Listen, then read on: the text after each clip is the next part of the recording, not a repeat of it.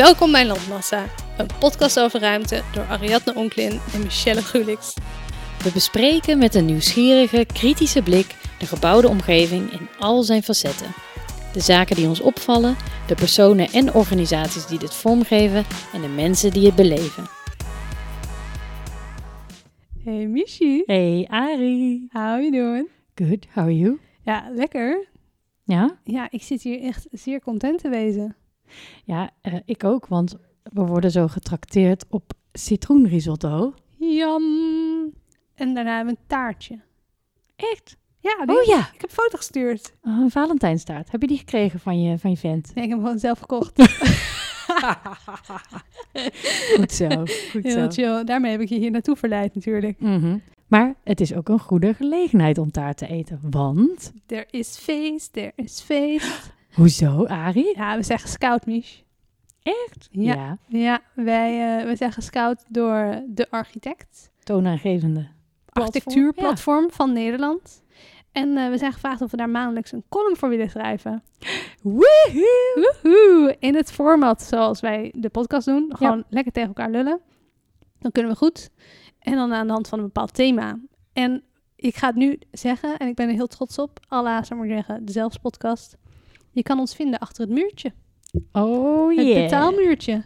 En eh, nee, ik vind het echt heel leuk eh, dat we nu in plaats van ehm, eh, in audio ook op papier ehm, of ja, in tekst met elkaar babbelen. Ja, heel erg cool. Ga naar www.dearchitect.nl en als het goed is staat onze column daar nu al op. Ja, ik ben echt wel trots op ons, Michel. En er is nog meer reden voor taart. Vertel. Want we zijn bijna jarig. Hoe oud worden we? Eén jaar. Ik ben echt zo content. vandaag. Landmassa is... Nou, oké. eh, we Bijna. hebben dus... Bijna een jaar. Ja, We hebben een beetje een foutje gemaakt toen we begonnen met de eerste opname. ja. Want de eerste datum was namelijk 29 februari 2020. En als je even goed nadenkt over schrikkeljaren... dan snap je ook dat we eigenlijk maar een kwart jaar oud worden. Ja. Hoe kan het toch? Eén keer in de vier jaar is 29 februari en precies op die datum starten wij onze podcast. En, oh, nou, jongens, het is echt, we hebben zoveel nieuws. Want we hebben ook nog eens dat we op een nieuw, dat we online op een nieuw kanaal zijn te Wij vinden. zijn zo hip. Oh Wij my zijn echt Gen Z to the max. Oké, wannabe Gen Z Wanna zijn be we. Gen Z. Stiekem millennial, oké. Want we zitten namelijk op de nieuwe social Clubhouse. Ja. Wat is het, Michel? Want ik, ik moest het ook even googlen. Nou, we zijn er nog niet helemaal achter wat het is. Maar we, nee, we, hebben een invite. gevonden. Ja, dus je kunt eigenlijk live audio streamen. En mensen kunnen meeluisteren, vragen stellen. Eh, en dat schijnt heel gezellig te zijn. Ze zeggen dat het echt de nieuwe hit gaat zijn. En wij zijn eh, early adapters. we kunnen dan dus ook live sessies gaan doen. Wat natuurlijk helemaal leuk is. Dat ze gewoon met de luisteraars in gesprek kunnen gaan tijdens het opnemen van een podcast. Exact, hoe leuk is dat? Dus dan kun je je vraag dit voor een vriend gewoon live erin fietsen. Dus dan wordt het meer een dialoog dan een, eh, een monoloog in je oor. Zo leuk. Maar dat doen we naast onze standaard podcast Ja, natuurlijk. En, en we moeten eerst nog even uitvogelen hoe het werkt. Dat ook. We hebben dus twee invites te vergeven. Kwamen, eh wist Michel net te vertellen. Ehm, blijkbaar kan je die dus verkopen op Marktplaats. Maar ehm, wil jij ook meedoen met deze nieuwe hype, trend? Je wil deze boot niet missen. Je wil de toegang, de sleutel tot dit clubhuis. Je wil bij ons party horen. Dat kan. Wij gaan onze invites aan jullie weggeven. Ja, want Architectuurfans, kom even op die club uit. Precies, want Michel heeft heel alle architecten gezocht. en nog niemand heeft Clubhouse. Dus we zijn echt early adapters. Ja. En wil je met ons meevaren op dit early adapter bootje? Please stuur even een ik vraag dit voor een vriend. Of een waar kijk ik eigenlijk naar? Eh, vraag je in via landmassapodcast.gmail.com. Of stuur even een DM'tje via de Insta, het Landmassa podcast. Mhm. Ja. Eh, ja, stuur je vraag in en eh, we verloten gewoon eventjes twee, twee invites. Hartstikke Yay. leuk. Yay! Sharing is caring. Zeker weten. Hey Mies, waar gaan we het over hebben verder? We Na al gaan deze het, eh, festiviteiten. Ja, we hebben allerlei. We hebben echt een vrolijke uitzending, denk ik. Ehm, we gaan het hebben. jij hebt eh, wat te vertellen over de naamgeving van huizen. Ik ga het hebben over. eh, nou, ik had het zo opgeschreven: sociale woningen gedoe. dus ik ga het over sociale woningen gedoe hebben, want het was heel veel in het nieuws deze week. Daarna gaan we het hebben over... Bruggen, maar dan hele grappige eurobruggen. Nou ja, luister maar door. En eh, ik ga het hebben over een groot drama rondom een van de hoogste torens van New York. En we beantwoorden de meest cruciale vraag van, van dit moment. Ehm, ik heb hem zelf gesteld, want hij is veel te urgent. Want is de architect van de 21ste eeuw Zaha Hadid familie van Bella en Gigi Hadid? Oké, en we gaan het lekker babbelen over Japan. Nou, Yes. let's go.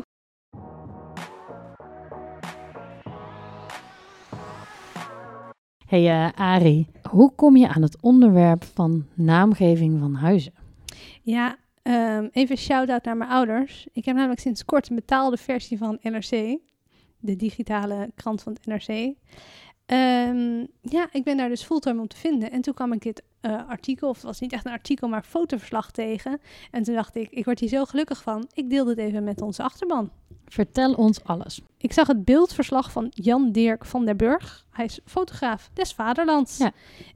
Um, en het ging dan over de naamgeving van huizen. Het zijn heerlijke foto's. Van... En, wat, en wat bedoelen ze daar dan precies mee, de naamgeving van huizen?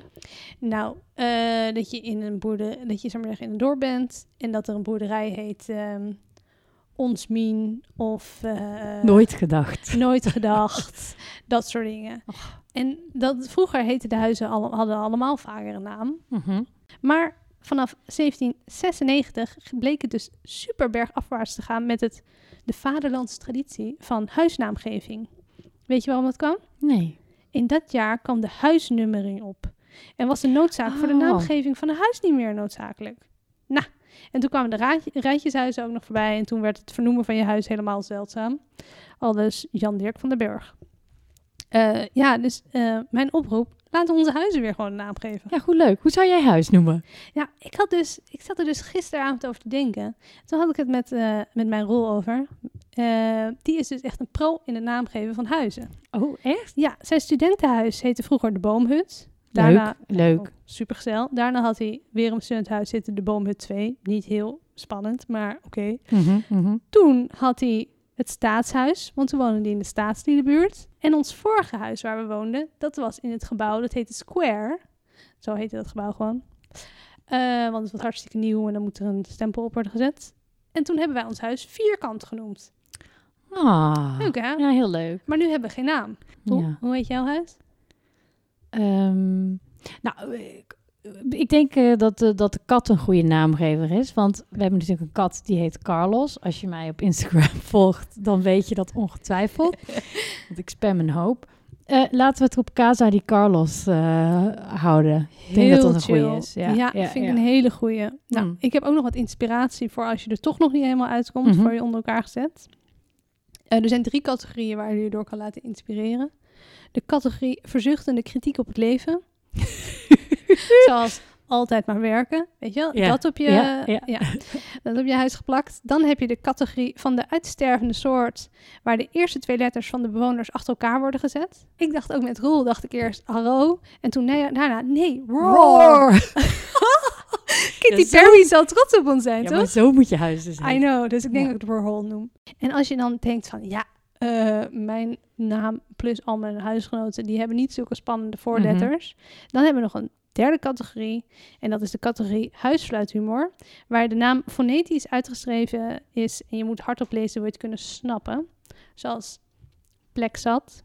En dan met een X. Oh ja, Of- die ken ik wel. Ik zie wel met de X en dan I-W-E-L. Eh, dat kan dus ook. Ja. Als echt alle inspiratie verdwenen is, dan zou ik die categorie pakken. Ja, ja. Eh, maar verder zou ik zeggen, wees lekker creatief. Heel cool. Ja, ehm, ik ben heel benieuwd. Heeft jullie huis een naam? Stuur het even in. Lekker fotootje. Hartstikke leuk.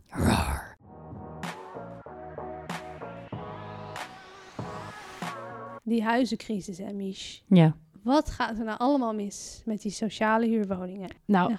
ja. ja, het is dus ook een drama. Want de afgelopen weken was de sociale woningbouw ook een beetje raar in het nieuws. Echt dat je denkt, men is op zoek naar wat ze aan moeten met die sociale woningen. Hoe kan het nou beter? Wat gaat er allemaal mis? Wat is het probleem? Nou, ik, zal, ik wil eigenlijk twee grote dingen uitlichten. Want je hebt vast wel eens gehoord van scheefhuurders of scheefwoners. Tuurlijk, ik ken Ja. er ook een paar. Echt waar? Ja. Oh, Ja, ik speel geen naam hoor. Nee. Eh, Nou, en dat is dus, eh, dat is wel een probleem wat heel veel mensen, wat je wel eens inderdaad over hebt gehoord. maar, Maar- het probleem is, ik wilde even opkomen voor de scheefwoners. Ehm, al, die zitten soms bijvoorbeeld in een best wel groot huis voor een klein prijsje. Ze willen dan wel kleiner wonen, maar dan moeten ze zoveel meer betalen. Dus dan gaan ze er eigenlijk op kwaliteit achteruit. En dan moeten ze ook nog meer betalen voor minder. Ja. Ja, dat, daar gaat ook een probleem. Ja, precies. En ik denk ook gewoon de emotionele kant van je hecht je ook gewoon aan een huis. Als je al acht jaar ergens woont, eh, dan ben je ook moeilijk weg te krijgen. En als er geen regels zijn die zeggen dat dat niet mag, of, of ja, als het legaal is, dan Ja. Ik denk dat dat ook meespeelt. Maar eh, Vertel, er zijn dus mensen die het dus echt heel bond maken. Want NRC, waar jij nu achter het betaalmuurtje kan, die had dus onderzoek gedaan naar coöperatiewoningen. Eh, want die hoorden via een tip dat er eh, mensen waren die bijvoorbeeld een, een koophuis hadden en toch in een sociale huurwoning woonden. ja. En, nou, en is dus een- op NRC, het is, je moet het echt lezen. Het is een heel groot artikel, maar ook een podcast aflevering. Die zal ik linken. Waarin je ook hoort hoe die journalisten te werk zijn gegaan eh, met het onderzoek. Maar ze hadden dus die tip ontvangen. Toen zijn ze daar op onderzoek gedaan van, nou, god, mensen die een koopwoning hebben en dan toch in een sociale huurwoning wonen. Dat is heel raar. Dat kan toch niet? Nee, en toen bleek dus dat er ruim duizend corporatiewoningen in Nederland worden bewoond door mensen die eigenaar zijn van meerdere koopwoningen. Dus dan ben je dus een pandjesbaas, maar dan woon je in een sociale huurwoning. Dan woon je op de gracht voor 200 euro, terwijl je, moet zeggen, de rest van de gracht Precies. in bezit hebt. Hè? En het waren dus zelfs ook mensen die bijvoorbeeld een tweede eh, gezin hadden, weet je wel? Die hun maîtresse in een andere woning hadden zitten. Ja, Niet. echt waar, geen grap. Dus het was één grote sensatie, dat hele onderzoek. Ja, eigenlijk wel, ja. Ze kwamen echt achter de hele gekste dingen. En eh, nou, in totaal zijn dat zeker 1055 mensen die samen 3344 huizen bezitten. Jezus. Dus die onttrekken heel veel eh, woningen. En Dat is toch niet oké? Nee, en één iemand heeft dus het allerbondst gemaakt. Dat is iemand die in de gemeente Zuidwest-Friesland woont. Die huurt een woning en heeft 59 huizen in bezit. Dat is de In. Amsterdam? Nee, Of in gewoon eh, In nee, Nederland? nee, in Nederland. Hè? En dan denk je natuurlijk gelijk, Hoe dan? hoe dan? Hoe kan dat? Nou, eh, er is dus geen wet die verbiedt om woningen te bezitten en tegelijk in een eh, corporatiewoning te wonen, zolang dat iemands hoofdverblijf is. Dus je moet altijd ingeschreven staan op die sociale huurwoning. Ze checken dus altijd inkomen hè, Mhm. voor, voor corporatie, maar nooit je vermogen. Niet? En je in een huis dat je bezit, telt als je vermogen. Dus dat kunnen ze gewoon niet, eh, niet checken. Hè? Ja. Dus nu gaan inderdaad, die, ook de corporaties zijn ervan geschrokken. Want eh, er was geloof ik maar één corporatie in dat hele onderzoek die er wel van had gehoord. Maar ze wisten niet dat het zoveel waren. Dus nu gaan ze ook kijken naar, ja, wat, wat kunnen ze hier nou tegen doen? Want het is eh, ja, natuurlijk niet de bedoeling. Maar ze verhalen toch ook huur uit die koopwoningen? Is dat dan geen inkomen? Ja, goede vraag. Misschien hebben ze dat ondergebracht in BV's of zo. Ik weet niet. Het is vast wel een constructie hoe je dat... eh, Nou, dat is wel een goede vraag eigenlijk. Want het is natuurlijk inkomen als je het verhuurt. Ja. Hmm. ik vind het Maar ja, als daar je tweede gezin woont, Dan zou je je jezelf... lover. Ja. Ja. Nou, dus dat is al één groot ding dat je denkt, ah, hier gaat iets Het is mis. een beetje, beetje pijnlijk. Ik snap dat sowieso niet. Waarom hebben we niet standaard een zelfbewoningsclausule sowieso in koopwoningen in heel Amsterdam? Ja, dat snap je- ik dus ook niet. I know. Dus als je dat al had, had dit hele niet- helemaal niet uit de hand hoeven lopen. Nee, precies. Nou, en de volgende vraag. Nou, Amsterdam zit dus ook in zijn maag. Want daar heb je dus een probleem. Dat, eh, dit is dus het andere nieuwtje wat, eh, wat ik tegenkwam. Is dat sociale huurwoningen, ehm, die komen vaak in de verkoop. Ja. Dus eh, veel, eh, veel corporaties, ja, die verkopen hun huurwoningen. Die kun jij dan kopen en dan kun je zelf in gaan wonen. Prima. Moet je vaak even wel wat verbouwen. Moet je vaak wel eh, die, die witte keukentjes eruit slopen en wat Ja. kunst inzetten. Maar er zijn natuurlijk ook veel mensen die, daar niet, die dat inderdaad opkopen en gewoon eh, heel hoog gaan verhuren aan de vrije markt. Dat mag ook. dat mag ook. Want vaak zijn die koopwoningen die je overkoopt van zo'n eh, woningbouwcorporatie, krijg je vaak voorrang op als je dus een sociale huurwoning Ja. daarvan achterlaat. Maar er zijn ook mensen, en die, die ken ik, die dat niet hadden gedaan en toch die koopwoning hebben gekregen. Echt waar? Ja, dus dat gebeurt dus. Dus het is dus wel mogelijk. Ik denk dat er heel veel privacywetten of zo zijn, waardoor je dus niet zoveel van mensen mag checken. Ja. Dus dat hele systeem van het gunnen aan iemand die lang ingezet, dat is gewoon een beetje lek. Daar moeten ze gewoon wat anders voor bedenken. raar. Maar waarom? Nou, corporaties verkopen heel vaak die oude woningen, omdat ze te maken hebben met de verhuurdersheffing. En volgens mij hebben we het daar in een eerdere aflevering al over gehad. Ja. Het is een soort belasting die eh, corporaties moeten betalen. En nou ja, dat kost hun heel veel geld. Hoe kun je snel geld verdienen? Is de oude verrotte woningen verkopen. Er moeten meer woningen komen en dat moet behaald worden. Dus moeten die woningcorporaties bouwen.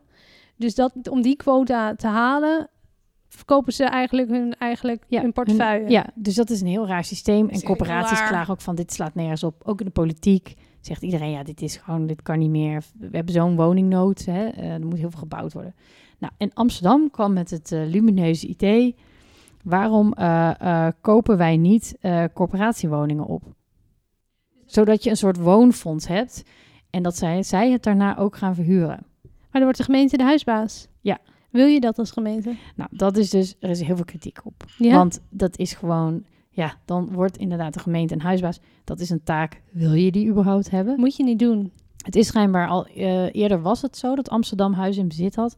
Maar dat liep ook mis. Dat ging gewoon niet gunstig. En iemand zei dus ook, net als wat jij net zei, van spreek gewoon met die corporaties af dat die woningen alleen worden verkocht aan eigenaar-bewoner. Dus inderdaad, dat je er alleen maar gewoon zelf in mag wonen. Ja, zelfbewoning Want het zijn toch meestal starters die die woningen kopen. Want het zijn meestal kleinere appartementen. Ben je van het hele gedoe af? I know. Maar dus eigenlijk doen ze nu een soort van doekje voor het bloeden. Ik haat die uitspraak, maar ik gebruik hem toch even.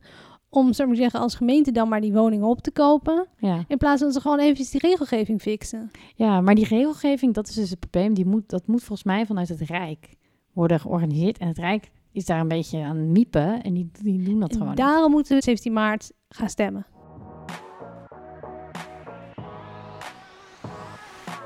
hey, zeg Mish. Ja. Ik keek dus laatst eh, even de YouTube.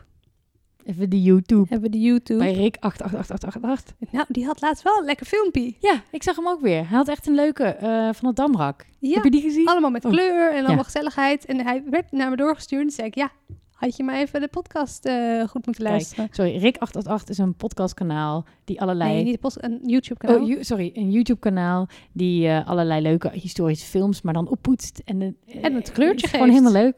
Je wordt, Helemaal leuk. je wordt er helemaal happy van. Nou, ik was lekker Rick 88888 aan het kijken.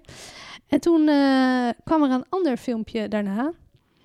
Eh, een filmpje van Tom Scott. Yep. En dat is een heerlijke Britse YouTuber die van alles uitlegt. Maar ik ging dus even opzoeken op zijn kanaal, wat, wat is de omschrijving? Weet je, wij hebben ook een leuke omschrijving. Die man heeft gewoon geen omschrijving. Dus Mysterie. Een mysterie. Maar hij heeft wel miljoenen volgers en hij legt gewoon leuke dingen uit. Dus Oh, wat leuk. Het is echt leuk. Tom Scott, heerlijk filmpjes. Je linkt het in de, in de show notes. In de show Ja. notes. Nou, ik keek een filmpje van hem uit 25 mei 2015. I know, dat is een beetje oud nieuws. Maar voor mij was het een nieuwtje. Dus ik dacht, ik deel het gewoon in deze heerlijke podcast. Kom maar op. Kom Als voor mij op. nieuwtje is, misschien voor de luisteraars ook. Het gaat over de bruggen in Spijkenisse. Yes, spijkenissen. Spijkenisse. Nou, toen de Europese Bank bankbiljetten mocht maken, toen Europa en de euro realiteit werden, weet je nog, 2002. Ja, weet ik nog heel goed. Ik had een eurocalculator. Jij ook? Oh, Zo'n ja. rekenmachientje. Wow. Dat was helemaal, eh, iedereen had dat. Terwijl, wat had je eraan? Weet ik eigenlijk niet. Maar Ik ook niet. zo'n 12 of zo. En zo'n hele grote gulden waar je dan de guldens in ging verzamelen, weet Ja, je van alles. Ja, dat was leuk. Nou, eh, de euro die moest nieuwe bankbiljetten. En toen dachten ze, wat gaan we doen? Hoe houden we elk Europees land gelukkig? We hadden, bij de guldentijd hadden we eh, Joost van de Vondel, eh, dat was een dichter. eh, Frans Hals, de schilder, de componist Jan-Pieter Zwelink, zeeheld, even tussen haakjes, zeeheld, Michiel de Crimineel Ruiter. meneer Michiel de Ruiter. Ja. En de, de duizend gulden had filosoof Spinoza erop staan. Allemaal mannen. Beetje jammer. Discussie voor later. Maar ik snap wel dat de Spanjaarden niet echt staan te springen op een, Op het zonnebloempje van eh Van Gogh. ja, of een Michiel de Ruiter Nee. op een eurobiljet, Nee. toch? Nou, en het hele probleem was, we konden ook niet allemaal één dingetje aanleveren, want we waren met Ja. twaalf landen en we hadden zeven biljetten te vergeven. Nou, wat ga je dan doen? Je zet een wedstrijd uit. Nou, dat heeft de Europese Bank gedaan. En toen werd de oplossing gevonden in Bruggen. En dan specifiek Heel mooi. Brugge, een brugge. I know. Europa, verbinding. bruggen bouwen. I know, ik was ook echt zo mindblown. Nou, en dan specifiek fictieve bruggen. Oh.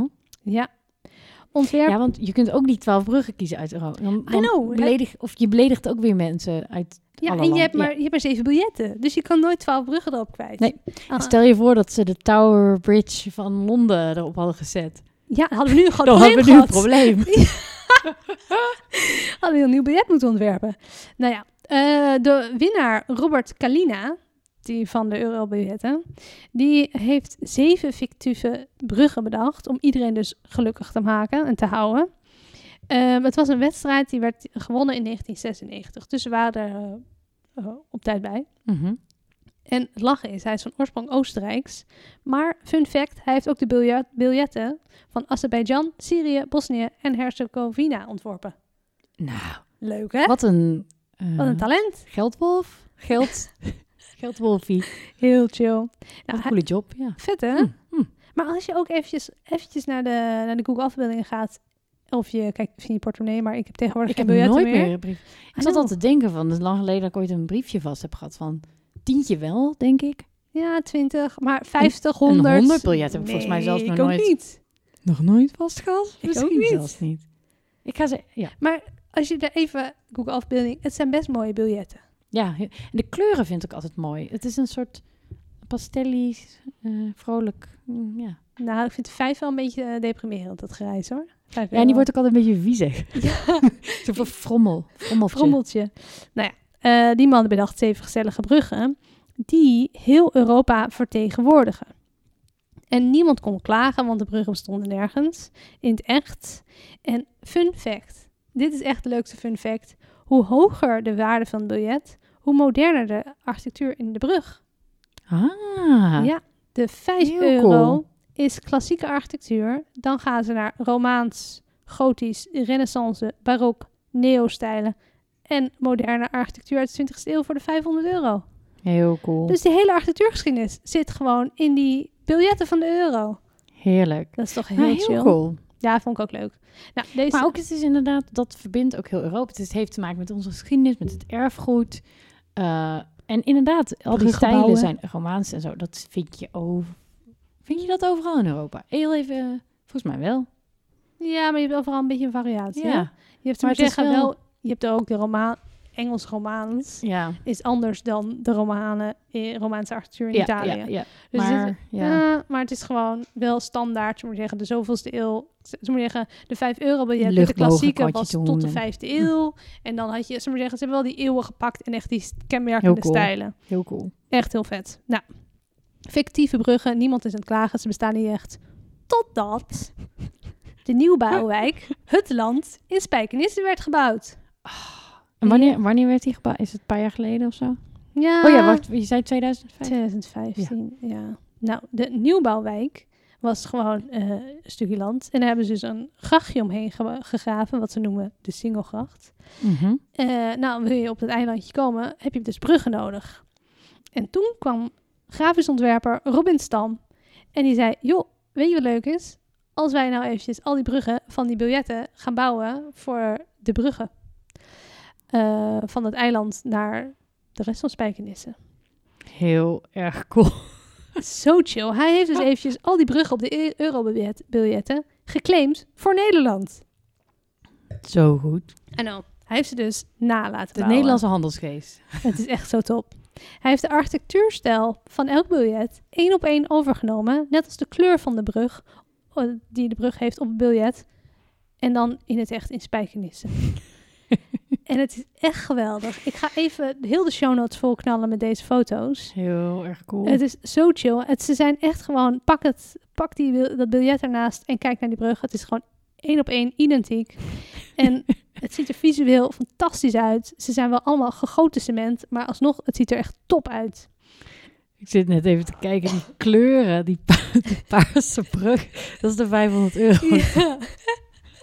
het is toch zo schattig. Het is gewoon heel schattig. Het ja. is heel Of schattig. Het is, heel, het is zo van, dit is iets dat je denkt, je zit s'avonds laat in de kroeg en je hebt al best wel veel bier op en dan, weet je wat nou een goed idee is?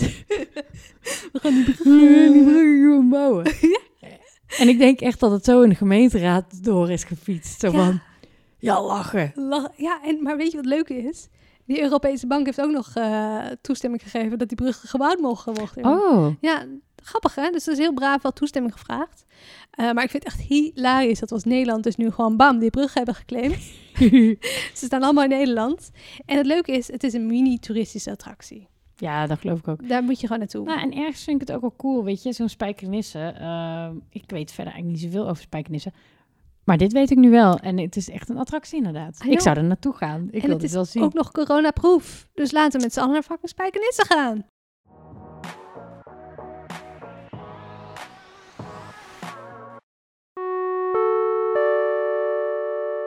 Hey, waar kijk ik naar?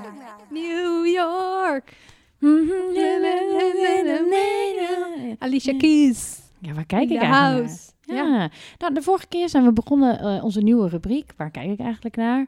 Eh, met ook eh, de VS, met het kapitool vanwege die bestorming. Ja, wow, we blijven echt in Amerika we maken even een reisje. Bam, Want roadtrip. er is een gebouw, jongens, die is zoveel in het nieuws geweest. En we kregen de vraag, what's up? What's up? What is up met 432 Park Avenue?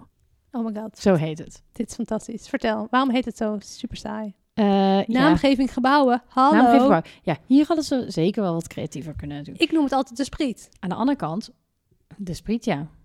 Zo, laten we hem gewoon de spriet noemen. Ja, de spriet. Maar in Amerika, park, een adres aan Park Avenue, Ja, dat is dan weer status. dat is natuurlijk hartstikke chic. De, dat is een van de duurste straten van New York. En 432 Park Avenue, de spriet, is dus een heel bijzonder geval. Het is ook wel leuk, 432. Ja, oh ja, dat is waar. Had ik nog niet Ja. over nagedacht. Hey. Oh, heel cute. Oh. Nou, eh, dit park, eh, of dit, dit park, dit gebouw was dus in het nieuws, omdat er van alles misgaat. Dan Wat? heb je een gebouw aan de duurste, de duurste straat van New York en dan blijkt het een drama te zijn. Die arme miljardairs, want hier wonen geen miljonairs, hier wonen miljardairs, Ja. ja, ze hebben het zo zwaar.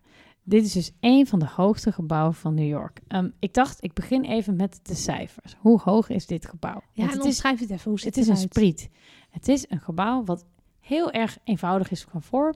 Het is een soort, eh, het is opgebouwd als een soort kubusjes eigenlijk gestapeld. Zo ziet het eruit. Maar het is toch die hele langwerpige? Het is heel lang. Het is heel erg hoog. Het is gewoon een rechthoek, maar dan heel lang. Sessa, toch? Ja, that's it, that's it. Het is een toren van 425,5 meter hoog met 85 verdiepingen. Holy moly. Kunnen Ja. we het even in context Ja. zetten? Ja, ik heb het even opgezocht. De hoogste toren van, van Nederland is de Maastoren in Rotterdam, op de Kop van Zuid. Die heeft 44 verdiepingen, dus dat is de helft ongeveer. En is 165 meter hoog. En die in New York is dus 425 meter hoog. Holy Dus dat is echt, is nog echt hoger dan ziek. dubbele. En het bijzondere inderdaad aan het uiterlijk van de spriet is dat hij dus heel erg hoog en slank is vooral. En de verhouding is 1 op 15. Dus de eh, plattegrond, zeg maar, van het gebouw eh, eh, heb je 15 keer omhoog. En dat is meer, of dat is slanker dan bijvoorbeeld een liniaal. Dus een, een klassieke liniaal. Wat zal het waaien daarbovenin? Dat ding is dus ook hartstikke windgevoelig. Dus dat zie je ook in het ontwerp als je het plaatje ziet. We zullen het sowieso op de Insta delen. Maar elke 14 verdiepingen heb je een soort sectie van twee verdiepingen. Die gewoon open zijn. Waar je alleen een soort de kern van het gebouw ziet. Maar wat, zodat de wind er een beetje doorheen kan waaien. Oh my god, dat meen je niet. Ja. Is loopt wel de gevel door of is het gewoon... Nee, de gevel is ook een soort open. Maar je ziet wel in het midden zie je gewoon een soort ronde vorm. Dat is de kern van het gebouw waar de liften, dat soort dingen Ja. in zitten. Dat, heet, dat noemen ze dan windbreaks. Eh die zijn open en daar kan de wind doorheen. Want anders krijg je natuurlijk een soort ja, een, een wiebelend spriet. Een Ja. grasspriet, echt. Maar je hebt het toch wel vaker dat als het heel hard waait, dat een gebouw gewoon Precies. zoveel meter kan verschillen. ja, en dat is ook eigenlijk normaal. En, eh, en, maar het probleem is dus met dit soort hele hoge torens... dat je natuurlijk ook veel meer wind vangt. Dus dat probleem wordt wel... mm, mm, mm. Dus er zijn ook veel mensen die zeggen... waarom moet je nou zo hoog bouwen? Want Ja. Eh, het wordt alleen maar complexer qua eh, techniek. Nou, en ehm, eh, dat is hier dus ook een beetje misgegaan. Wat een fundering moet daar zitten, zeg.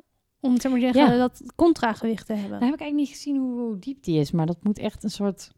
Dat moet massive zijn. Ja. Ja. Maar het is dus een toren die van alle luxe is voorzien. Er zitten 104 appartementen in, wat nog niet eens zoveel is als je denkt, het zijn 85 verdiepingen. Het zijn echt grote... En elke verdieping telt 812 vierkante meter. Nou, vergelijk het met je eigen huis. Oh, wat gênant. Het Ja. is gewoon, het is gewoon tien keer dit huis. Ja, en er zijn maximaal vier appartementen per verdieping.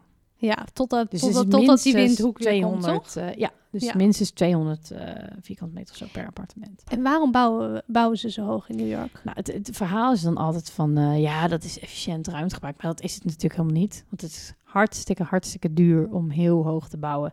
Dus het is vooral ook gewoon een prestige ding. ding dat je kan zeggen, ik woon, ik woon in die spriet, Ja, status. in dat penthouse, hoppa.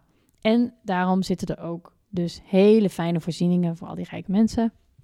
Er is een zwembad, spa, fitness en er is inderdaad een kelder met opslagruimte. Maar ook wijnkelders die daarin zitten. er zijn verschillende natuurlijk wijnkelders. Ja, Ja. tuurlijk. Ja. Ja. Heb ik ook. Nou, en eh, de, de prijzen zijn dus ook, eh, die passen helemaal bij zo'n plek. Eh het penthouse hier was ergens tussen 2010 en 2020 verkocht voor 73 miljoen euro. Niet. En dan heb je 800 vierkante meter. Ja. Holy fuck. Dus het is echt niet normaal. En voor al onze luisteraars heb ik uiteraard een leuk YouTube-filmpje gevonden van een dame die er woont. En die haar huis echt over de top heeft ingericht. Ehm, je wil het zien. Nou, eh, ja, je kunt bijna niet zeggen... Ik heb altijd bij dat soort hele rijke mensen... Je kunt bijna niet meer zeggen of het nou smaakvol is of niet. Het ziet er vooral gewoon heel duur uit. Is het veel goud of valt het mee? Nee, het is helemaal wit. Want eh, ze Oh. wilden een effect creëren zoals je in de wolken... In, dat je in de wolken leeft. Oh my god, deze mensen hebben te veel geld. Ja, te veel geld inderdaad. Hoe vaak zou ze er slapen? Ze zou vast meerdere huizen Oeh, hebben. nou, ik zag in het filmpje, er loopt een kat rond. Dat geeft mij het gevoel dat ze echt wonen. Ja. Ja. Hmm. Heel cozy. Wat doet ze voor werk? Zij is volgens mij interieurstylist ook of zoiets. Oh. Ja. To the rich and famous Ja, waarschijnlijk. waarschijnlijk. Eh, maar eh, ja, je moet het filmpje even kijken. Dat is eh, heerlijk om te zien. Maar, drama. Drama onder de miljardairs. Want vorige week kwam een heftig artikel uit. Want er blijkt dus van alles mis te zijn met de techniek van het gebouw. Van onze spriet. Was, zo was er. ehm, nou, er is van alles. En dat gaat het echt over de leidingen en elektriciteit. Dat gaat helemaal mis, omdat het gebouw zo hoog is. Ja, hoe, de, hoe krijg je die douche op de bovenste etage aan? Ja, nou, en het probleem was dus ergens al dat er eh, een lekkage was bij een bepaalde leiding. En dat die drie verdiepingen eh, naar beneden nog in iemand anders appartement drupte. Waardoor de waterschade 500.000 euro was in één appartement. Oh, wat. Nou, ja, en- als je een heel eh, gestileerd interieur erin knalt, wat natuurlijk iedereen doet, want je hebt zoveel Je geld. wolkenappartementje, Ja, dan nou, wil je geen eh dan loopt het aan de kosten. Maar nog erger, de lift, die heeft ooit twee weken stilgestaan. Omdat het dus door de wind... Te dat veel uit het lood, Dat die te eh, veel uit het lood en die zat vast. En hij heeft ook Nee, je ooit- zal maar twee weken bovenin vastzitten. Ja, op de 85ste verdieping. Nou, daar zit je dan met je penthouse van 73 miljoen. oh, dan wat traplopen. erg. Oh, Dus dat kan, ja, dat kan niet. Nee. En Hoe heeft lang ben je dan bezig met die trap naar beneden? Vraag me dan af. Dan ben oh, je gewoon, 85 trappen. Een- Dat haal ik niet hoor. ik denk dat je wel zeker een uur aan het traplopen bent. Ah, verschrikkelijk. Holy fuck. Ja. En nou, wat iemand heeft dus ook ooit heel erg lang vastgezeten in een lift, omdat hij ook weer vanwege die wind vastliep. Oh, wat zielig. Ja, en dat is echt eng. Dan zit je dus op honderden meters hoogte, zit je vast in zo'n lift. Oh, dan word je wel heel claustrofobisch. Ja, verder inderdaad. eh, Kijk, in New York zijn mensen het gewend als je in een toren woont dat het een beetje wiebelt. Dat gaat heen en weer. Zo is dat nou eenmaal. Maar dat is meestal minimaal. En zo'n gebouw is daar ook opgemaakt. Maar het schijnt dus dat in dit gebouw hebben mensen dus aangegeven, het kraakt als een schip. Dus echt, als het gebouw beweegt, krijg je een soort... Nou, Oh, wat eng. Verschrikkelijk en eng en naar. En hoe, zijn, hoe is de bouwmaterialen nu? Hebben ze dat gecheckt? Is dat nog helemaal goed? Nou, ze hebben dus ook eh, onderzoek gedaan naar alles, eh, naar wat hier allemaal misgaat. Blijkt dat 73% van de mechanica, leidingen en elektriciteit van het gebouw niet volgens de plannen is gebouwd. Dus dat het gewoon is aangelegd, beetje ad hoc. Dus er is nog ook nog geen, ehm, hoe noem je dat? Eh, Oplossing? Geen oplossing. Dus dit is ook echt iets van, ik ben heel benieuwd hoe ze dit gaan oplossen. Want je zit natuurlijk ook wel met bewoners die allemaal hartstikke rijk, hartstikke, die kunnen de duurste advocaten betalen. Weet je, het is Ja. een heel sterke, als die, als die bewoners zich verenigen, nou dan eh, succes. Maar wat, wat hier heeft een, ik denk dan een aannemer of wie, wie bouwt zo, een bouwer, een bouwbedrijf, gewoon echt steken laten Ja, die vallen. hebben hier echt steken laten vallen. Dus die zitten dan denk ik in de problemen. Ja, Maar, oké. Toen gingen ze kijken, oh ja, wie is eigenlijk de architect van dat gebouw? Ik was zo benieuwd. Nou, dat is de Uruguayaanse architect Rafael Vignoli. hey. Ja, en hij is een bekende naam. En dan dacht ik, oh ja, god, oh die is van... Waar is is hij ook weer van van? de Zuidas. Ja, oh ja, klopt, daar heeft hij een toren. Hij heeft één woonhuis voor een particulier ontworpen. In. Amsterdam ook. Nee, nee, nee. In Amerika, Oh, nabij Philadelphia. Daar ben ik geweest. echt waar? Ja, ben een hele tour geweest. Het was prachtig. Wat cool. I know. Google even. Was het, maar was dat huis technisch helemaal... Ja, het was echt fantastisch. Het was heel mooi, maar er hing ook allemaal kunst. Echt gewoon een rotkool Ah. boven de bank, weet je wel, dat soort Ja. dingen. Eh, het was een beetje de prijscategorie zoals eh die Spriet. eh, ja. ja. Maar je kan een rondleiding door dat gebouw zien op YouTube. Ik zet het Oh, even wat leuk. eh, Ja, zet in de in de show notes. Ja, Nou, want bij mij deed die naam dus nog een ander belletje rinkelen. Nou. Want in Londen heb je, ken je het gebouw 20 Fenchurch Street? nee. Nee, want die staat dus beter bekend om een fantastische naam, namelijk de Walkie Talkie. Weet je dan welke ik bedoel? Oh my god, is dat dat wat zo heel veel geluid maakt? Of wat is dat? Of is, is- dat met dat licht dat weer kaatst? De brandt? Ja! dat is dus zijn andere project. Oh, wat gênant. Ja, oké. de walkie-talkie in Londen is dus dat gebouw. Het, een beetje, het gaat soort met een curve omhoog en het loopt wijd uit naar boven. Vandaar de naam walkie-talkie. Waarom dan? Nou. Ziet een walkie-talkie er ook zo uit? Ja, blijkbaar. Blijkbaar vinden Britten dat dit op een walkie-talkie lijkt. Ik vond het al raar, ja. Ik ook, ja. Ja. Nou, en vanwege dus die bolling die in dat glas zit, is dus... is dit te grappig eigenlijk. Hij is heel triest, Het is heel, heel verschrikkelijk. maar ja. het is ook, kwam er dus op een zonnige dag, kwam er een soort laserstraal uit, die dus bijna 100 graden werd. Ja, die Dus heeft gaten in auto's gebrand, Nou, toch? in een, eh, een geparkeerde Jaguar is daar eh, dus nog meer rijken, die de pineut zijn van die arm van die Holy moly. Die- Maar dus ook iemand was blijkbaar gewond geraakt. Dus het is echt, het heeft echt, eh, dat is heel heftig geweest. Dus de, die staat bekend om de laserbeam. Oké, dat probleem is gelukkig gefixt. Ze hebben wat met, dat, met die ruiten gedaan. Ehm, maar helaas, dat gebouw heeft ook nog de Carbuncle Cup gewonnen. En Wat dat is de dat? prijs in Londen voor het allerleefste gebouw wat in een jaar is opgeleverd. Ah. Dus onze vriend Vignoli heeft wel wat pech. En dit is altijd dan, kijkt iedereen natuurlijk, oh, die architect heeft het eh, slecht gedaan. Maar dit is natuurlijk, dit gaat echt om technische fouten eigenlijk. Dus Maar is, Ehm. dat, is dat zijn verantwoordelijkheid of voor de rekenaars die het later ja, ik denk de ingenieurs uiteindelijk en Ja. de mechanici die, die, die, die dit allemaal... eh, eh, Die die ideeën van architect werkelijkheid precies, moeten maken. precies. En het schijnt ook dat bij die walkie-talkie dat er kosten natuurlijk zijn bespaard. Want zo gaat het altijd. En dan Ja. op bepaalde glas of een bepaald materiaal of een bepaalde zonwering. Ja. En- ja, goedkoop is duurkoop. Ja. Moet je een nieuw gevel er tegenaan Ja. knallen. Maar onze vriend Vignoli heeft dus een beetje pech.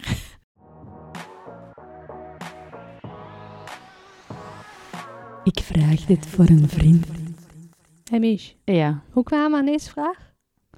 eh, we waren aan het borrelen en ineens bleek die vraag heel urgent te zijn. Ja, dus we hebben hem gewoon gesteld aan onszelf. Ja, het moet kunnen. We hadden ook vragen van luisteraars, maar soms moet je belangrijke vragen gewoon even voorrang geven. Even prioriteit op aangeven.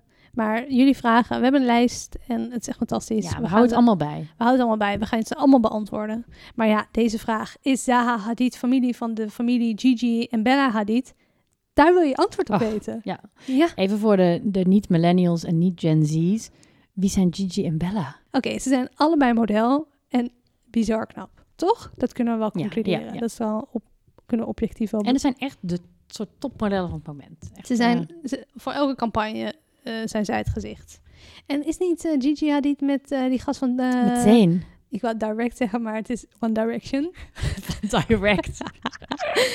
van One Direction. Ja, Ja, van klopt, Zayn. ja. Nou, hun moeder, Jolanda Hadid, die is geboren als Jolanda van de Herrik. Eh, was ook model en is Nederlands. Yes. Dus het is Ja. ook een beetje Dutch Pride, ja. Zeker, ze komt uit Papendrecht. Wap. En Gigi en Bella zijn Amerikaans? Of ze wonen Ja, ze zijn eh, ja. Amerikaans, maar hun oma en hun zit natuurlijk gewoon in Nederland. Dus ze Ja. zijn ook best wel eens in Nederland te vinden. Ehm, hoe zijn die, eh, die Jolanda en die twee chicks, Bella en Gigi, eigenlijk een beetje in beeld gekomen? Dat komt door de Real Housewives of Beverly Hills. Hmm. Eh, Bella en Gigi waren toen al lang model, maar eh, ze zijn zo weer in het grote publiek. Is die moeder bekend geworden door dat programma. En toen was ze getrouwd met haar tweede man, David Foster. En dat is een meervoudig Grammy-winnaar eh, als producent en componist. Check even YouTube voor zijn muziek. Best wel leuk. Nou, voor David Foster was Jolanda getrouwd met Mohammed Hadid. Ehm, Mohammed Hadid En die is ongetwijfeld familie van Zaha. ja, I know. Dat lijkt mij wel, dacht ik dus. Nou, Mohammed Hadid is een vastgoedontwikkelaar. En toen dacht ik, vastgoedontwikkelaar, 1 architect, en 1 is 2. bam, bam, bam. Broer en zus. Ja. Broer en zus, inderdaad. Eh, nou, hij bezit vooral Ritz hotels en dure huizen, mansions in Bel Air in Californië. Mhm. Dus er zit best wel wat geld. Oh ja, even Zaha Hadid toelichten voordat we zeggen eh, de uitkomst van deze, dit heftig, moeilijke, grootstondige onderzoek. Eh Zaha Hadid was een Britse architect van Iraakse afkomst. Haar architectuur vind ik spectaculair. Ik ben echt Ja. groot fan. Een soort van sensueel lijnenspel. Ze had echt haar eigen signatuur. ja. En dat is soort witte blobbies. Witte lobby's. Fun fact. Even een fun fact, daar hou ik van. Ze werkte vanaf 1977 na haar afstuderen bij een vriend van de show, Rem Koolhaas. Oh, onze maat. I know, I know. En toen heeft ze dus meegewerkt aan de uitbreiding van de Tweede Kamer. Oh. Al dus Wikipedia. Meer maar Dutch Pride hier voor die Had- Ja. Hadid en Nederland. Het Bam. is gewoon... Alles komt bij elkaar hier. Ehm, waar kennen we Hadid van? Het havenhuis in Antwerpen. Daar heeft hij iets geweldig. fantastisch op neergezet. Het voetbalstadion in Qatar. Eh daar komt het WK in 2022. En ze maakt vette woontorens naast de High Line in New York. Nou ja, Google haar Ja. gewoon eventjes Zaha Hadid en kijk naar de afbeeldingen. Of even in de show notes. Het is gewoon heel aantrekkelijk. Ehm, even goed wel, even side note om te noemen. Ze heeft niet alleen maar mooie architectuur gemaakt, maar ook echt kwalitatieve architectuur. Want zij is de eerste vrouw die in 2004 de Pritzker Prize, Prize won. ehm, wat de Nobelprijs is voor de architectuur. Woe. Shout-out naar Zaha Hadid. Ja. Eh, Toppertje. Een toppertje was dat gewoon. Sinds 2000 won ze ongeveer elk jaar minstens één award. Dat is gewoon vet. Nou, zijn deze twee knappe vrouwen, Bella en Gigi Hadid en Zaha Hadid, met elkaar familie via Mohammed Hadid, de vader van Gigi en Bella. Verlos ons. Heb ik tromgeroffel? Nee.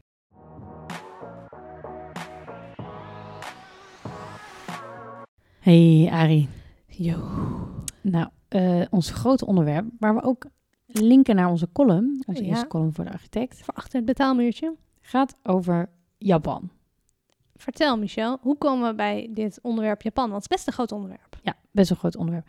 Nou, het was meer, je hoort altijd, alle architecten hebben het altijd over Japan. Ken je iemand die Japan niet, zeg maar, niet goed vindt als designland of als architectuur? Maar onze favoriete website, die zien, staat alleen maar vol. Elke nieuwsbrief alles met is Japan. Japan. Alles is Japan. Dat is fantastisch. En ik merkte ook, ik was mijn eigen huis hier aan het verbouwen. Ja. Pinterest is waar ik woonde toen. Eh, dan merk je gewoon van, oh, je, ja, je pint al die mooie plaatjes van Japan. En eh, het is gewoon ook... En toen ging naar- Minimalistisch. minimalistisch, maar ook weer soms weer niet. het is je, gewoon ook heel hele gekke dingen, doordacht. Maar wat is dat nou eigenlijk? En hoe, zit, waarom, how? Why? Hoe, hoe, wat, waar? Wat is het toch met Japan dat dit al hon- meer dan 100 jaar, kwam achter, een, een soort hype is? Dat is al lange hype. architecten. Ja, vertel. Vertel. Japan is dus echt even eh, is een, echt een architectuurbestemming. En ook even de feiten. Nou, we hadden het net over Zaha Hadid en de Pritzker Prize. Japan staat aan de top van Pritzker Prize winnaars. Want 8 van de 46 winnaars komen uit Japan. Wow. Ja. Dus ook, zeg maar, in awards zijn Japanse architecten Worden wel gewaardeerd. worden heel erg gewaardeerd. Het zijn gewoon de helden.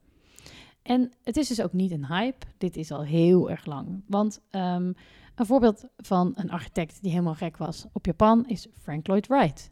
Waar kennen we Frank Lloyd Wright van? Nou, alle, ja, ik denk iedereen kent wel dat huis Falling Water. Weet ik niet of iedereen dat kent. Ja, het is een huis in de bossen in de VS, geloof ik. Ja. In Canada, in de VS.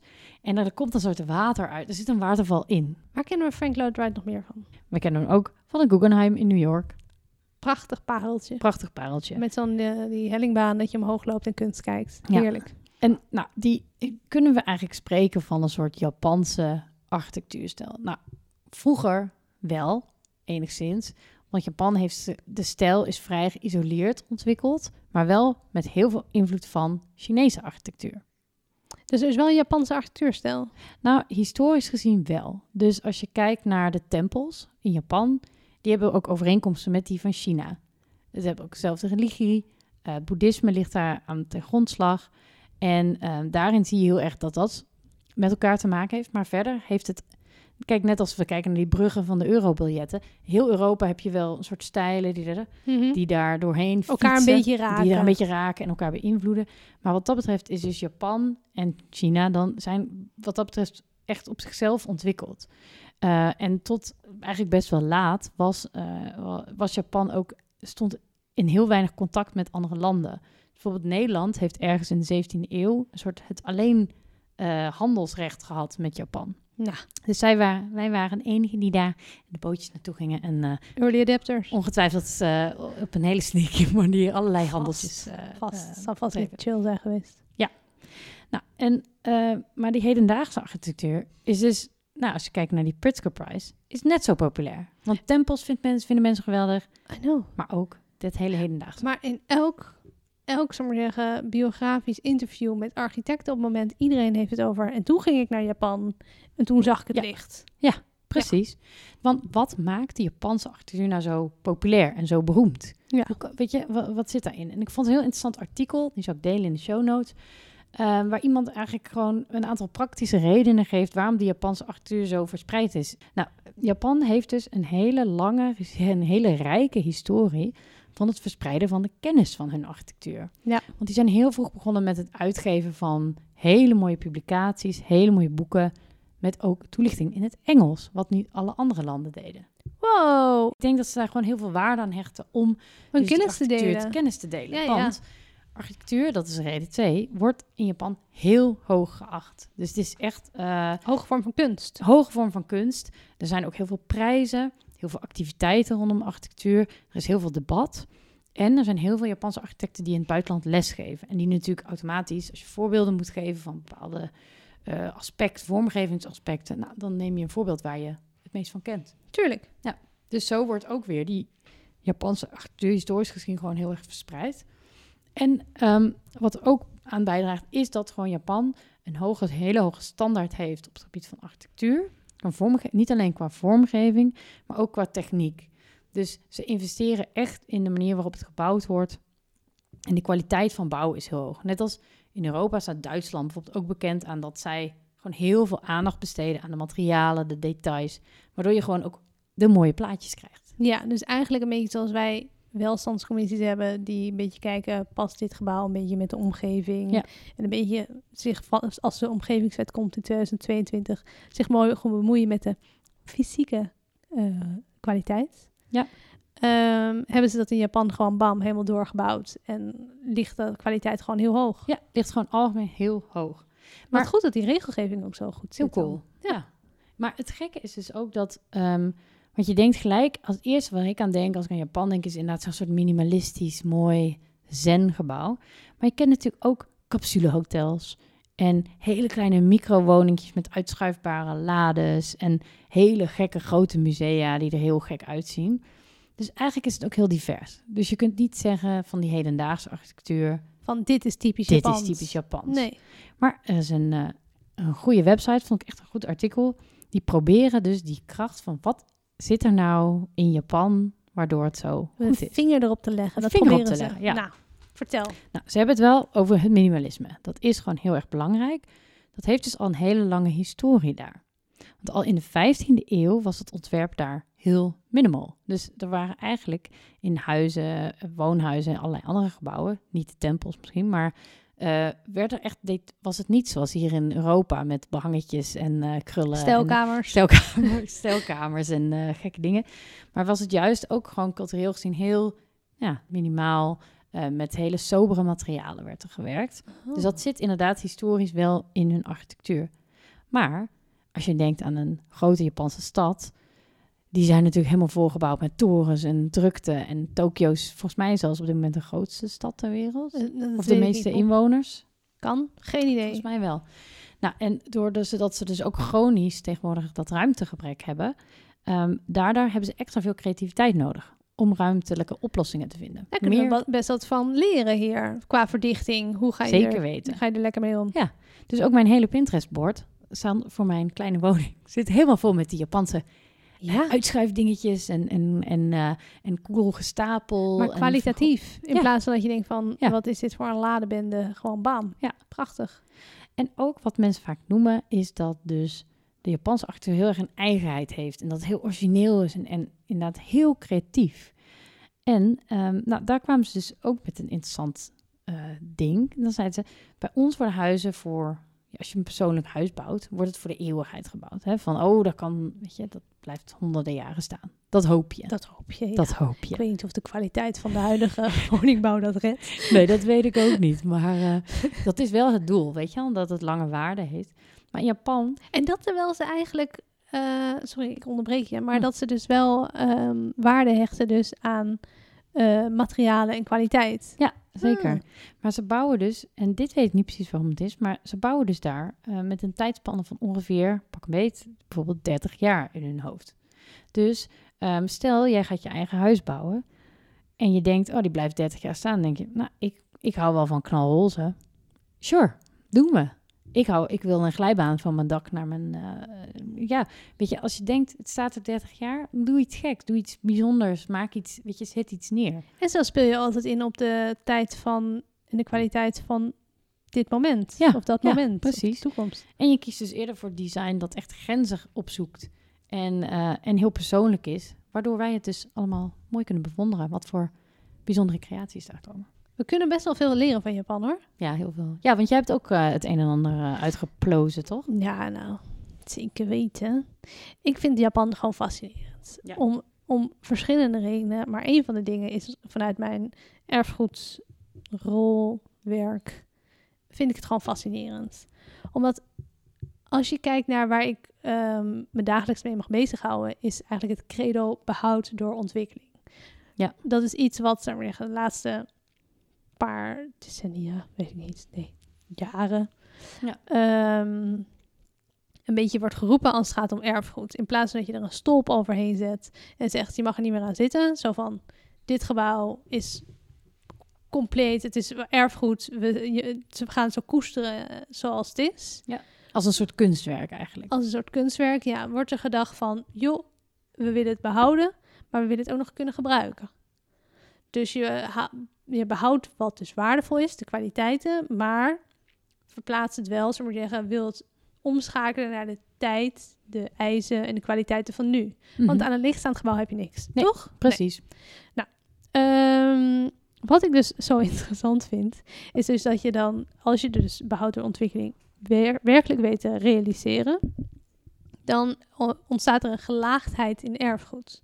Dus dan is het af te lezen van, oké, stel, we- dit is een 19e eeuw spandje, toen is er in de 20e eeuw eh, iets tegenaan geknald. Nou, dat is nog te zien. In de 21e eeuw knallen we er natuurlijk weer een aanbouw aan, want dat doen we allemaal. Ja, ja. Ehm, en zo kan je zien, de tijd is te zien aan de architectuur, gelaagdheid in architectuur. Ik vind dat bijvoorbeeld in een voorbeeld misschien het scheepvaartmuseum of zo, waar ze dat dak in hebben gezet. Ja, Van dat is een, dan wordt het anders, het gebruik is anders, maar het is nog steeds mooi. Maar je ziet wel, het is hedendaags. Dus dat is een, misschien een voorbeeldje. ja, er is een laag aan toegevoegd. Ja. En ik moest ook gelijk denken aan jou. eh, je hebt een artikel geschreven, een jaar terug of iets dergelijks, of van de Oh ja, zomer, over, eh, in Parool. ja.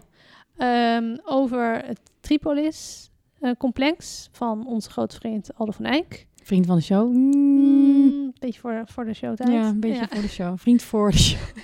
Pre- Pre-vriend. Aldo van Eyck, die had daar eh, kantoren gebouwd aan de Rai, aan de, Rai, hoor, aan de ring. Ja. Ja, 10 aan de, zuid, eh, aan aan de zuidkant. En daar ehm, wordt een nieuwe laag aan toegevoegd. En dat is een soort van glazen, ik vind het een soort van muur Langs Die- de snelweg. langs de snelweg die voor en over de gebouwen heen wordt gebouwd. Ja, klopt. Het is best een heftig ding. Ja, ik reed daar van, de, van het weekend langs. Dacht Ja. ik, wow, het wordt best wel groot, maar ik vind het spectaculair. Ik ook. En dat ding wat er stond, eerlijk, het werkte ook niet. Het werd nooit. ehm, eh, Het stond het, altijd was, leeg. het stond altijd leeg. Het was in slechte staat. En leegstand is het ergste wat zo'n gebouw kan overkomen. Precies, en het werd eigenlijk, ja, omdat de stempel Aldo van Eyck had, moest het behouden worden. Maar in dat voor, format kan je niet, wil, nou, wil je niet. Dus Nee. voeg je er dus een laag aan toe, zodat het voldoet aan de eisen en wensen van nu.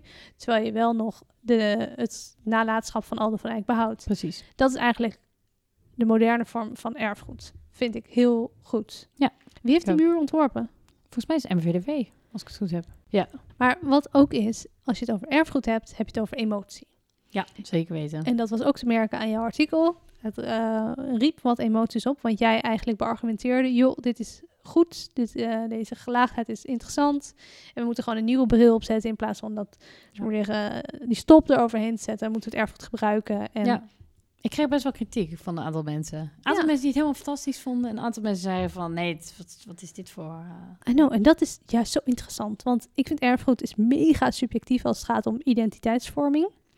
Eh, er komt, Klopt. Ja, dan komt natuurlijk het immaterieel erfgoed om de hoek kijken. Daar kunnen we nog een andere keer over hebben. Want immaterieel erfgoed is gewoon subjectief, vind ik. Ehm, Ja. En hoe meet je dat? En hoe is iets goed? Dat kan je nooit bepalen. Je kan nooit Nee, zeggen, nee. dit is de standaard. En daarom hebben we dus, als we het over erfgoed hebben, het zo graag over architectuur en over eh, architectuurstijlen, over architecten, of ze belangrijk zijn in, in een bepaalde periode, Ja. of een gebouw belangrijk is voor een oeuvre, omdat we dat kunnen meten. Het is meetbaar. En daarom eh, is het zo moeilijk om dus dat behoud door ontwikkeling echt verder vorm te geven. Ja. Je loopt tegen wat muren aan op. Nou, leuk. nou, ehm, wat kunnen we dus leren van onze vrienden in Japan? Wil je dat weten? Heel raar. Nou, in Japan heb je de havenstad Ise. En daar ehm, doen ze eigenlijk eh, erfgoed bekijken vanuit de traditie die achter inderdaad het bouwen, die bouwmethode zit. In Mhm. plaats van zich te focussen op de waarde van, de van het materiaal. Dus de materiële waarde. Dus elke twintig jaar breken ze daar de Ise Jingu tempel af. Om hem dan daarna semi-identiek weer op te bouwen. Wow, met een steeds ander... Ziet het er dan ook anders uit? Nee, het is een soort van cyclische reconstructie. Oh. Ehm, die elke keer weer, elke twintig jaar wordt toegepast. Ook in andere heiligdommen hoor, dat ze het afbreken. En dan wordt elke keer weer een oude generatie, een nieuwe generatie samengezet. En die gaan dan precies volgens de bouwmethode en verschillende Oh, bouwmaterialen uit hetzelfde bos waar ooit twintig jaar geleden die bomen zijn gekapt. wat cool. En omdat die Japanners zo fantastisch hun bouwmethode en de kwaliteit eh, documenteren, kan Mhm. dat.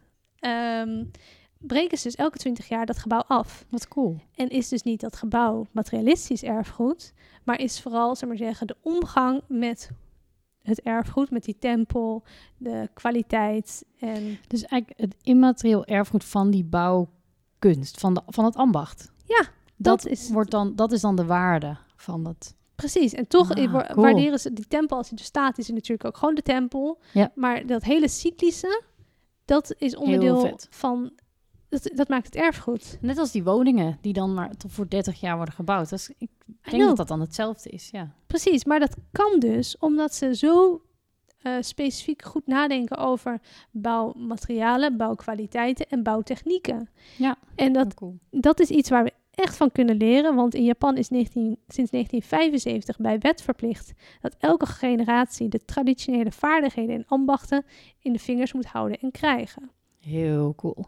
Dus, eh, dus ja, daarom kunnen ze die tempel elke 20 jaar afbreken en opbouwen, omdat ze gewoon weten hoe het moet. Ja, en dat is hier wel anders. Hier hebben we een klein probleempje als het gaat over eh, de restauratie van bijvoorbeeld de Amsterdamse school. Met die gezellige golvende gevels. Dat kan gewoon niemand meer. Kunnen nog heel weinig mensen. Nou, en nu worden overal die platen ge- tegen gezet. Je hebt van die bakstenen platen. Ja. Dus dat het niet meer echt gemetseld is, maar gewoon van meh, want dat is goedkoper, sneller. En, nou- en het zijn niet eens hele bakstenen. Hè? Het zijn fragmenten. Het zijn plakjes baksteen. Echt? Die een Oh. soort van... Ja, I know. Oh, Het is echt... mm. In plaats van dat we nog metselen, plakken we nu een soort van semi-wannabe metselwerk op een gevel, op een beton. Ja, het is toch gewoon triest om te worden. Nou ja, wat ik ook nog interessant vind eh, aan ehm, Japan, is dus eigenlijk dat ze die tempel, als we even bij die tempel blijven, maken ze elke, weer, elke 20 jaar die tempel na. Dus we hebben het over namaak. Over, eigenlijk is het een nep-tempel Ja. om het zo maar te zeggen. Nep. Ehm, en dat vind ik altijd heel grappig. Omdat als je het eh, vaak hier in Nederland hebt over bijvoorbeeld... Hier in het Amstelkwartier is een eh grachtenpandje nagebouwd. 17e eeuws grachtenpandje. Ehm, maar het is gebouwd met de bouwmaterialen en bouwtechnieken van nu. En toch ziet, willen ze dat het eruit ziet als een 17e eeuws grachtenpandje. Ja. Dan vinden wij Dat heel verschrikkelijk. wij vinden dat verschrikkelijk. Ja. We vinden het lelijk. En we zeggen het is nep. Maar maak dat het dan minder waardevol. Hmm. Maak dat het niet, zet dat het niet gewoon in de traditie van Ja. de 17 eeuws grachtenpandje. Als je met de, blik, met de bril van Japan kijkt. Ja, maar dan heb je hier altijd, en ik denk dat daar het ook, eh, hoe noem je dat, steekt in Nederland, dat je dan dus inderdaad, ehm, dat het dan met moderne technieken wordt gebouwd, die gewoon kwalitatief niet zo goed. Dus dat je ook weet van, Het is het net niet. Weet je, hier heeft niet iemand houten latjes zitten timmeren. Het is gewoon een soort plaat eh, die automatisch is gezaagd. Ja, vloep. Precies, dus dat maakt al het verschil met Japan. Ja. Daar ben ik wel met je eens. Ja. ja. Maar ik moest ook Ah, denken aan... interessant wel. Het is een heel andere manier om er naar te kijken. Want ik denk inderdaad automatisch van, ugh, nep. Ja. Mhm. Maar daarom, als je naar het eh, sanatorium Zonnestraal kijkt, dat eh, in Hilversum staat, het is een ontwerp van Jan Duiker. Het is eh, voor de Supermooi. supermooi voor de Rijdend Rechter fans. Daar werd Rijdend Rechter een paar seizoenen opgenomen. Hmm. Ja, maar dan wel de, de NPO-variant, hè? Niet die eh, verschrikkelijke SBS'er. Ehm, het ziet er hartstikke mooi uit. We willen er een UNESCO-status aan geven als eh, Nederland. Het is hartstikke nep. Het was Echt? hart, ja, het is hartstikke verwaarloosd was het. Het was voor een deel helemaal afgebroken. Het was helemaal eh één groot drama. Dat heeft onze grote vriend architect Wessel de Jonge, de man die bekend staat om natuurlijk fantastische eh, restauraties. Hij heeft ook Ja. Burgerweeshuis in eh, Amsterdam gedaan van Aldo van Eyck. Die heeft het weer heel mooi terug weten te restaureren. Eh, om ze maar zeggen, die gedachten en die periode en die architectuur van toen weer in ere te herstellen. En toch waarderen we het zo erg. Ook al Hmm. is het nep. Nou, ik denk dat er ook zo'n verschil is tussen... Omdat dat natuurlijk een soort modern... Want welk jaar is die? Is het jaar 30, 20? Eh, Zoiets? Zoiets. Geen idee. Nou, Laten we dat maar relatief modern is in mijn hoofd, voor mijn gevoel, ook weer anders dan zo'n grachtenpandje. En Om te herbouwen. En dat weet ik dus niet precies, waarom dat zo is. Maar dat maakt het erfgoed zo interessant en fascinerend onderwerp. Je kan er eindeloos over ouwenelen. En dat maakt het ook zo complex, omdat erfgoed is emotie. Het is. Ja, Wij vinden er iets van. Ja. Over 50 jaar hebben ze een hele andere mening. Kijk naar ons. Wij vinden Jordaan fantastisch. Eh, een paar decennia geleden wilden ze nog hartstikke afslo- eh, neerhalen. Weet je, hartstikke slopen. Mhm. Dus het is gewoon aan mode onderhevig. En dat vind ik zo fascinerend. En ik vind dat we van Japan kunnen leren om toch eigenlijk die ambachten van vroeger, zoals metselen, zoals in de Amsterdamse school. Misschien moeten we dat soort dingen wat meer koesteren. Want nu krijgen we de meest lelijke woningbouw ever. Met Yep. plakgevels. Ik bedenk nog, ook nog één ding, wat wel interessant is. In Nederland, je hebt in Nijmegen een Jeruzalem. Ja. En daar, eh, die hele wijk moest worden gesloopt, want die kwaliteit was gewoon niet goed genoeg. En die hebben ze nu, eh, wat ze daar nu gaan neerzetten, is weer modulaire bouw. Dus die in de fabriek is gemaakt, maar ook zodat dus, eh, want die, dat Jeruzalem is ook ooit heel snel neergezet als een soort, Mhm. ja, bijna modulair eh fabriekswoning. Hebben ze nu dus eh, opnieuw gedaan. Dus dat dat een link Het heeft. concept, ja, maar dat is echt precies Top. waar ik zo lekker op Leuk, ga. ja. Behoud, we maar zeggen, dat je dan het concept terugbrengt. Precies. En dan het minder hoeft niet waar- hetzelfde te zijn, of, maar Precies, net, dat, dat, materiaal, materiële van uh, moeten ze überhaupt Ja. blijven, dat moeten we loslaten. Breng dan het concept inderdaad van het van Ja, dat van vond ik heel tof. Oh man, daar word ik helemaal gelukkig van. Dat, dat is precies wat Japan doet. Die bouwmethode. Nou, helemaal blij. hey, Mich, maar ehm, nu we maar zeggen helemaal geïnspireerd zijn betreft erfgoed van, door Japan. En helemaal jouw Pinterest-bord mij helemaal gelukkig maakt. Kunnen we toch wel concluderen dat onze grote Zweedse voorbeeld van vroeger... misschien wel de blauwe box met gele letters... maar dat is niet echt Zweeds design, maar toch misschien ook wel... Yep. wel een beetje van de troon is gestoten door Japan, of niet? Ja, want inderdaad, Scandinavië, Zweden, Denemarken is ook zo'n design bestemming. Valhalla. Valhalla, ja. Ja. Nou, Ari, de oplossing is daar. Eh, je hebt dus nu Japandi. Wat is Japan En dit is dus een, echt zo'n Pinterest, Instagram interieurstijl. Ja. Waarbij het beste van Scandinavië en Japan worden samengevoegd. Maar het is echt verschrikkelijk. Of het is heel Oh. suf. Het is eigenlijk gewoon minimal met veel hout en pastelkleuren. En een beetje een paar floofy wolletjes overal. Wolken, wolkeninterieur. Ja. Wolken. En het is dus eigenlijk allebei die, die tradities of die hele bijzondere landen waar echt fantastische dingen worden gemaakt, worden dan als een soort plaatje gebruikt. Gewoon, ja, minimal. Japan is minimal. Terwijl, net als we net zien, weet je, als je alles opnoemt, er zit zoveel meer achter. Ja? Dus het is gewoon zonde en ik vind het eigenlijk wel stom. Ja, nou, Japan niet. N- No-go. Ja, zou, het is de cronut van de vormgeving. Ja, vind ik mooi, mooi gevonden. Ja, want als je een croissant hebt en donut en je voegt samen, Het kan. het wordt gewoon een beetje ranzig. I know. Eet gewoon en die croissant en die donut. Het is alleen maar beter. Precies. Ehm, zet even een plaatje in de show notes. Ja, ga ik doen. En dit is gewoon heel suf en saai. Dus eh, eh, het zal niet veel likes opleveren waarschijnlijk. Shit. Maar als we maar wel extra veel luisteraars krijgen op onze Clubhouse. Oeh, ik hoop het. Nou, Hey, eh, ik vond het hele gezellige eh happy, eh Mich. ja, weer lekker gekletst. We zijn lekker over onze tijd heen. Eindeloos lopen kletsen. Ehm, volgende maand een nieuw onderwerpje. Yes. Abonneer jullie allemaal eventjes op De Architect. Ja. Lees ons column. En stuur je vragen in, want dan eh, kunnen we je misschien een eh, invite linkje eh, sturen. Van ons Clubhouse. Ja. Je vindt op uh, Podcast op Instagram of landmassapodcast.gmail.com. Super. Dank voor het luisteren. Volg ons, like ons. We liken jullie allemaal. Want dank voor het luisteren. Nu naar de risotto. Tot de volgende. Doei. Doei!